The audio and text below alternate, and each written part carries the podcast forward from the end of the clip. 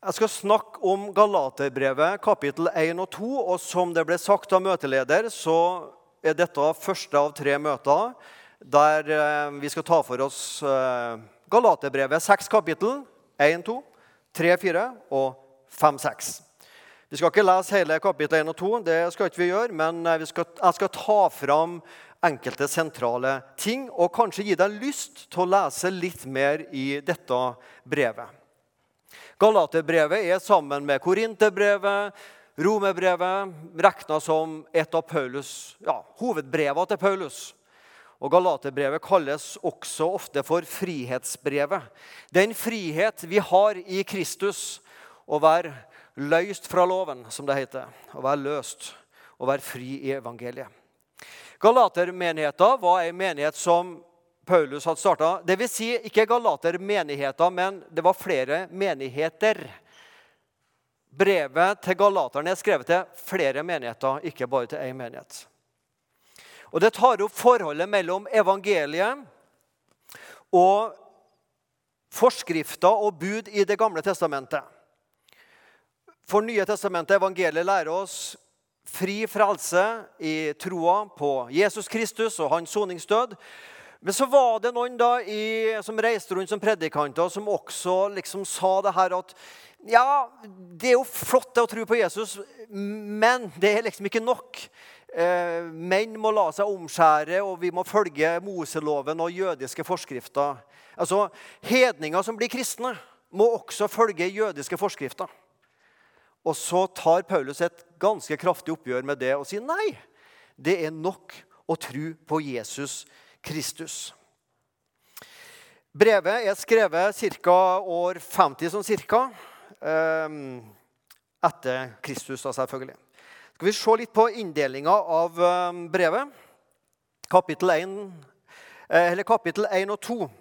Paulus forsvarer at han er Jesu Kristi apostel, og han taler evangeliet med autoritet. Kapittel 3 og 4 det der møter vi læra om rettferdiggjørelse av tro. Vi skal også komme inn på den i dag. Hvordan vi blir frelst. Troa, ikke, troa og ikke loven gjør oss rettferdige for Gud. Og De to siste kapitlene, fem og seks, snakker om at evangeliet har konsekvenser for livet vårt som kristne. Vi styres enten av vår syndige natur, kjødet, den syndige menneskenaturen, eller vi styres av det nye livet kalt Ånden. Det er Paulus sitt brev i, i, til galaterne i ganske kort format. Vi skal lese sammen, eh, starte i kapittel 1 og vers 1-12. Ja da, det er stort der. Dere ser den. Vi leser de tolv første versene. Paulus, apostel, ikke utsendt av mennesker eller ved noe menneske, men av Jesus Kristus og av Gud, vår Far, som reiste ham opp fra de døde. Jeg, Paulus, og alle mine søsken her hilser menighetene i Galatia. Nåde være med dere og fred fra Gud vår Far og Herren Jesus Kristus. Han som ga seg selv for våre synder, så han etter Gud, vår Fars vilje, kunne fri oss ut fra den onde tiden vi nå lever i. Ham være ære i all evighet. Amen. Det undrer meg at dere så raskt vender dere bort fra ham som har kalt dere ved Kristi nåde, og til et annet evangelium. Det finnes ikke noe annet. Det er bare noen som forvirrer dere og vil forvrenge Kristi evangelium.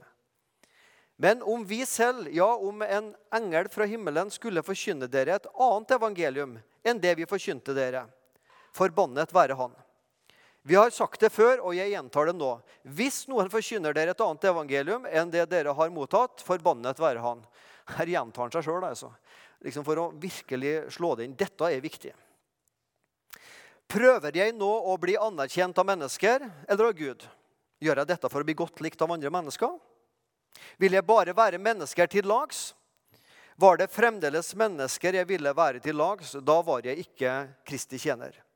For jeg kunngjør dere, søsken, det evangeliet jeg har forkynt, det er ikke menneskeverk. Jeg har heller ikke mottatt det eller lært av noe menneske. Nei, det var Jesus Kristus som åpenbarte seg for meg. Nå er jo Jesus et, også et menneske, da. Men jeg gikk ikke på en spesiell skole eller en spesiell plass, og det var noen mennesker som underviste meg om dette. her. Men Kristus møtte meg utafor Damaskus i et syn. Nei, ikke bare i et syn, virkelig, utafor Damaskus. Og jeg møtte evangeliet. Det er jo det Paulus opplevde. Det kan vi lese om i Apostlenes gjerninger, kapittel 9. Vi skal først se på Paulus som apostel. Og Jeg bare gjentar fort de to første versene. Paulus, apostel, ikke utsendt av menneske eller ved noe menneske, men av Jesus Kristus og av Gud, vår Far. Apostel. Apostler og profeter og lærere, evangelister Apostel er ikke noen hvem som helst. I Bibelen så kunne ikke du gå i en spesiell skole og liksom utdanne deg til apostel. Apostel var noen spesielle, utvalgte menn som Gud hadde liksom sagt dere skal være mine spesielle utsendinger. Selve ordet apostel betyr utsending. Men det betyr ikke at alle vi sender ut som utsendinger som misjonærer, at vi kaller dem apostler. For det er den nærmeste kjernen rundt Jesus, de tolv apostlene og Paulus. De ble kalt direkte av Gud, sendt av Gud, med et budskap fra Gud. Gud taler sin spesifikke vilje gjennom apostler. Guds ord er åpenbart til apostler. Nå var ikke alle som skrev i Bibelen, apostler. Men Gud åpenbart sin spesifikke vilje til apostler og ba dem skrive det ned for at vi 2000 år senere kan lese det. Jesus sa til sine disipler, 'Dem som hører dere, dem hører meg.' 'Den som hører dere, de hører meg', sa Jesus. Paulus møtte Jesus på en veldig spesiell måte. Vi kan ikke forvente å møte Jesus sånn i Stavanger, eller Sandnes eller andre plasser i dag. på den måten. Sånn ville Jesus åpenbare seg for Paulus for å kalle han til apostel i det han opplevde der ved Damaskus. Så gikk han etter det 17 år i opplæring, ikke i skole, men han var i Arabias ørken og forskjellige plasser. Og litt for seg sjøl før han vendte tilbake og traff de andre apostlene i Jerusalem. Paulus er sammen med Johannes og Peter og uh, Matteus og Markus og, og, og, flere andre Guds spesielle vitner. De er ikke tilfeldige personer som måte, driver med religionsfilosofiske tanker om noe kristelige greier. De er personer som Gud har utvalgt for å åpenbare sin vilje gjennom. Når vi leser det de skriver, så leser vi det Gud vil si oss. Kanskje har du hørt denne setningen her på en eller annen måte. Ja, Paulus han mener sånn og sånn, men hva mener Jesus? ja, jeg vet hva Paulus mener, men kan du fortelle meg hva Jesus mener? Man ser altså på Paulus som en av flere tusen stemmer i kirkehistorien. Jo, han mente det, Peter mente det, noen apostoliske fedre litt senere mente sånn, Luther mente det, Norske kirke mener det, Misjonssambandet mener det, osv. osv. Nei, Paulus er ikke en av bare mange tusen stemmer. Han er Guds spesielle utvalgte redskap for å åpenbare Guds vilje. Når du leser hva Paulus mener, så leser du egentlig også hva Jesus mener. For det har Jesus åpenbart til Paulus. Kanskje har du hørt denne setningen eh, også på en litt annen måte, men 'jeg er uenig med Paulus'. Ja, ja det er ikke straffbart, det. Du kommer ikke i fengsel for det. Du blir ikke kasta ut av Salem fordi om du er uenig med Paulus. Men da har jeg lyst til å spørre tilbake. Vel, var Paulus Eh, var Paulus bare et tilfeldig kirkemedlem, og er det du og jeg som er apostler? Eller forholder seg motsatt? Ja, det er Paulus som er apostel. Og du og jeg vi er en av millioner og milliarder kirkemedlemmer opp gjennom historien. Min mening er ikke mer verd enn din, eller din mer enn min. Men det Paulus sier, det skal vi legge oss merke til. For det Jesus ville ha sagt, det sa han annet til han. Ikke bare til han, men annet til Paulus. Paulus var ikke noe ufeilbarlig menneske. Det er ikke Paulus sitt liv nødvendigvis. Det er jo ikke det som er ufeilbarlig. Men de ordene han har talt til oss og skrevet til oss, de er skrevet for at de skal være gyldige også i dag. Det er viktig å ha for oss. Paulus var en apostel. Vi går litt videre.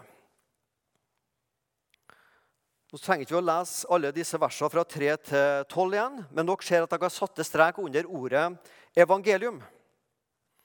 Ordet evangelium er et fremmedord. Det er gresk. Det er helt gresk for meg, sier vi av og til. Og det stemmer. Det er gresk. Det betyr godt budskap, bokstavelig talt. Det fantes mange evangelier, gode budskap, på den tida. Det var politiske budskap. Det var budskap om krig og fred. Nå har våre soldater slått den eh, gjengen der, og nå er det fred. og sånn. Det var også et politisk eller krigsmessig evangelium. Men når vi snakker om evangeliet i bestemt form, så forholder det seg annerledes. For Paulus snakker om ikke ett av flere evangelium, men evangeliet i bestemt form. Og evangeliet er et bestemt budskap om en bestemt person, om bestemte gjerninger som har bestemte virkninger. Det handler om Jesus Kristus, og det handler om hva Jesus sa og gjorde på korset og sto opp, som har den virkningen at vi tror det, så blir vi Guds barn. Og når vi stoler på det, så er det nok for Gud. Det er evangeliet i bestemt form.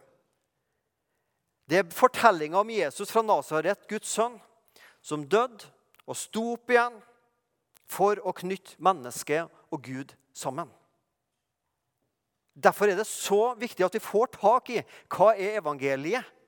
Og så er det også så viktig for Paulus å si at vi må passe oss for andre evangelier som egentlig ikke er evangelia. Der ser du ved streka under her et annet evangelium et annet evangelium. Nei, den som forkynner et annet evangelium, han være forbanna. Evangeliet er Guds verk, ikke menneskeverk. For jeg kunngjør dere, søsken, vers 11. Det evangeliet jeg har forkynt, er ikke menneskeverk. Vi har fått det fra Kristus. Det er ikke noe menneske som har kommet på evangeliet. Det var ikke en gjeng med lærde teologer som ble sendt på en Viken en annen plass og så fikk beskjed kom tilbake med noe godt budskap. da. Finn på noe som vi kan sprenge rundt i verden og forkynne.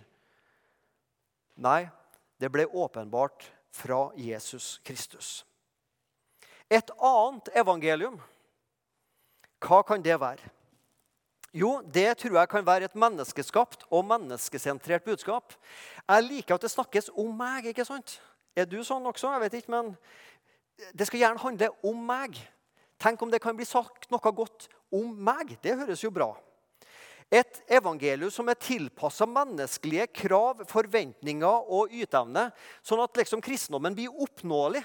Jeg klarer liksom ved å skjerpe meg litt og lese litt mer og be litt mer og litt mer frimodig og litt flere tjenester og litt bedre givertjeneste, så klarer jeg til slutt å skjerpe meg sånn at jeg blir god nok for Gud. Lista litt høyere, men med litt trening så klarer jeg å komme over lista. ikke sant? Og hoppe litt høyere.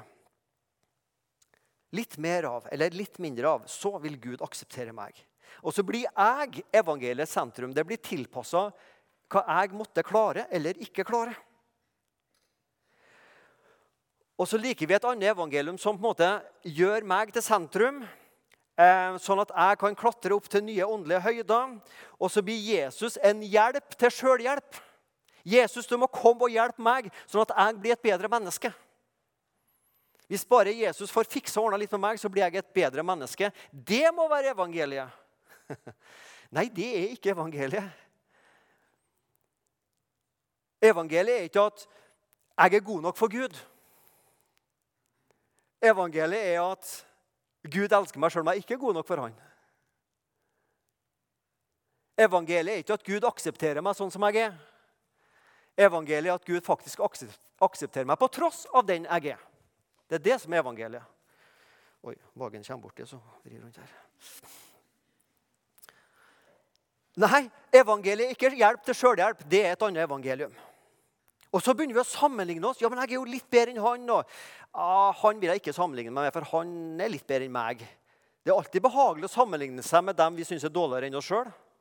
Det som skjer når vi begynner å sammenligne oss, enten blir vi hovmodige, eller så blir vi mismodige. Du velger bare om du vil være hovmodig eller mismodig. Lykke til. Nei, evangeliet, det er et annet evangelium som er menneskesentrert. Da begynner vi å tenke ja, men jeg er jo en god kristen, for jeg er jo bedre enn gjennomsnittet. i alle fall. Jeg horer ikke så mye som gjennomsnittet i Norge, jeg lyver ikke så mye som gjennomsnittet i Norge. Jeg, og så videre, og så videre. Ja, det er jo fint. Altså, Fariseeren i templene takka jo Gud for at han ikke var som horkarene og som tyvene og som røveren der og tolleren der. og sånn. Jo, fint det, at ikke han var som dem. Problemet var at han baserte sitt gudsforhold på det han makta. Et menneskesentrert evangelium. Det fins ulike evangelier i dag. De perfektes evangelium. Det sies og skrives at uh, deres generasjon kalles generasjon prestasjon. og Det der kan dere mer om enn meg, så jeg trenger ikke bruke tid på det. Men mange vil gjerne ha et skinnende og perfekt ytre. Et flott og perfekt ytre fasade. Men så kan du kjenne deg tom, ensom og sliten innvendig. En følelse av å mislykkes. Så skal Gud like meg, så må jeg prestere perfekt.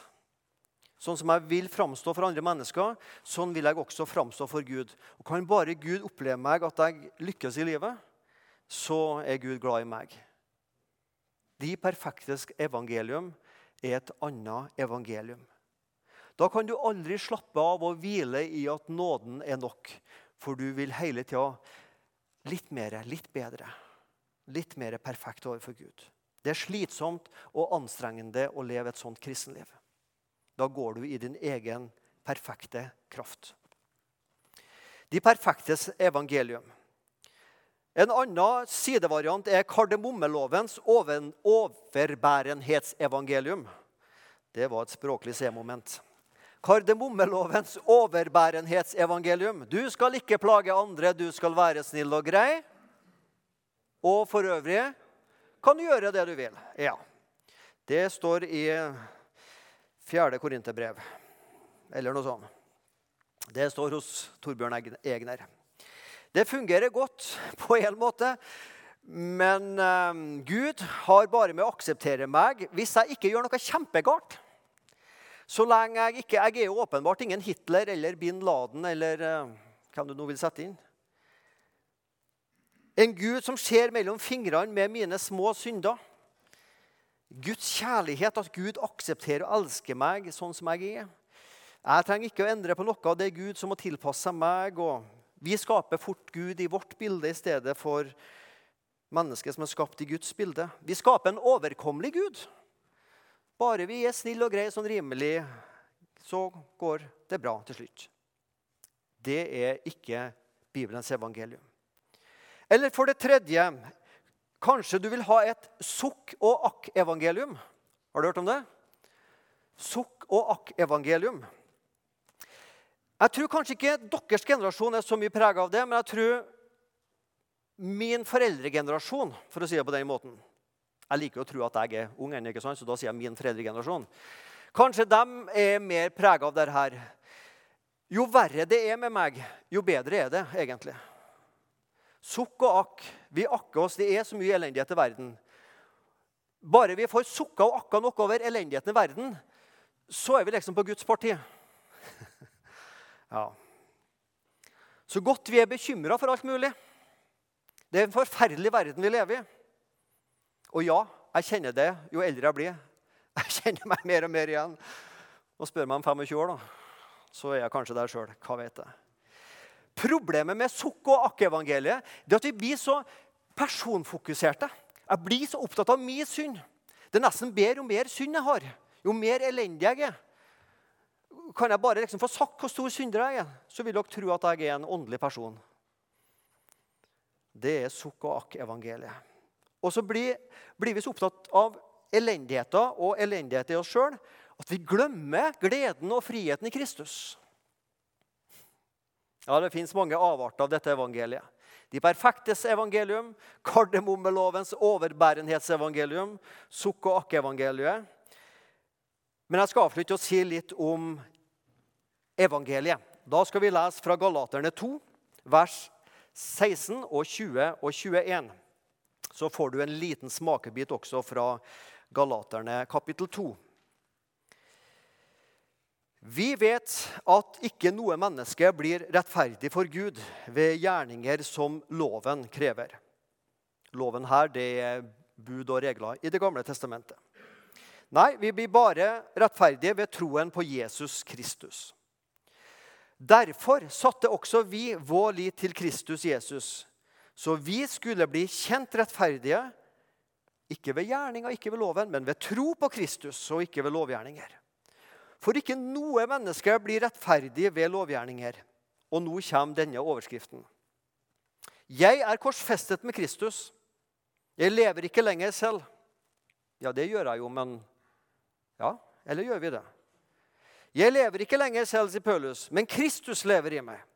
Det livet jeg nå lever, som menneske av kjøtt og blod, som det står i siste oversettelse, i kjødet eller her på jorden Alt dette hva slags oversettelse du bruker. Så Det livet jeg nå lever som menneske med mine synder her på jorda, det lever jeg i troen på Guds sønn, som elsket meg og ga seg selv for meg. Jeg forkaster ikke Guds nåde, for hvis vi kan oppnå rettferdighet ved loven, da døde jo Kristus til ingen nytte. Hvis det er mulig å bli akseptert av Gud ved å oppfylle lovgjerninga og være snill og grei og ikke plage andre, ved å sukke og okke seg nok over elendigheta i verden, ved å skjerpe seg og prøve å vise Gud et perfekt ytre, ja, da døde jo Kristus til ingen nytte.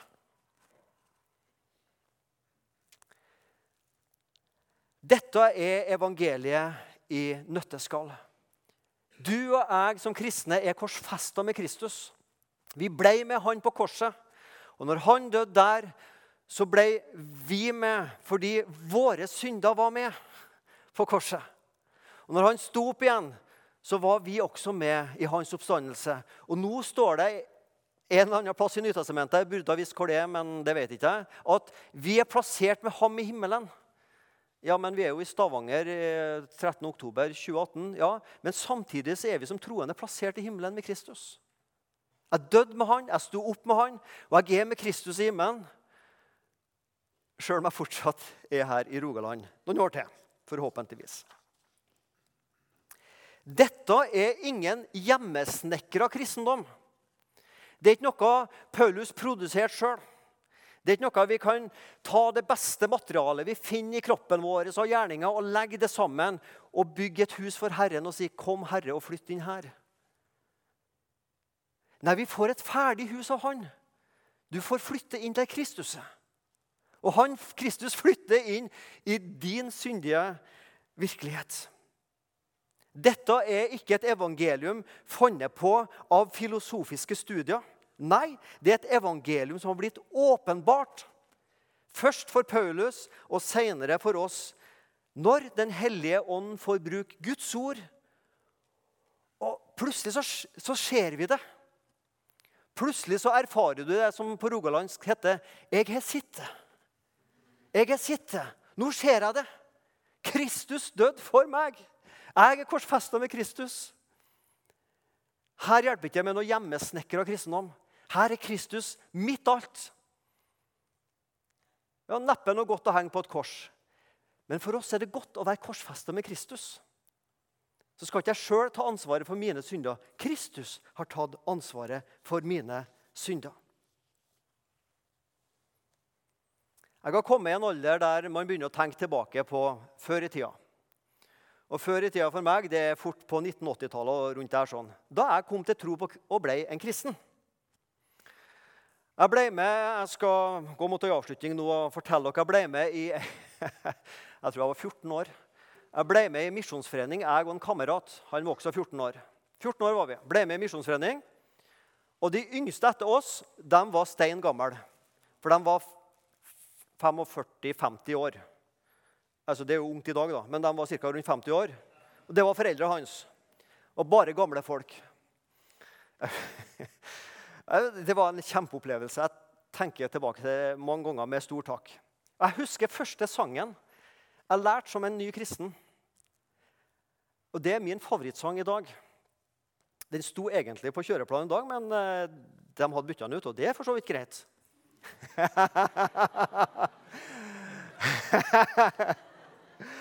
Og det er sangen 'Ren og rettferdig'.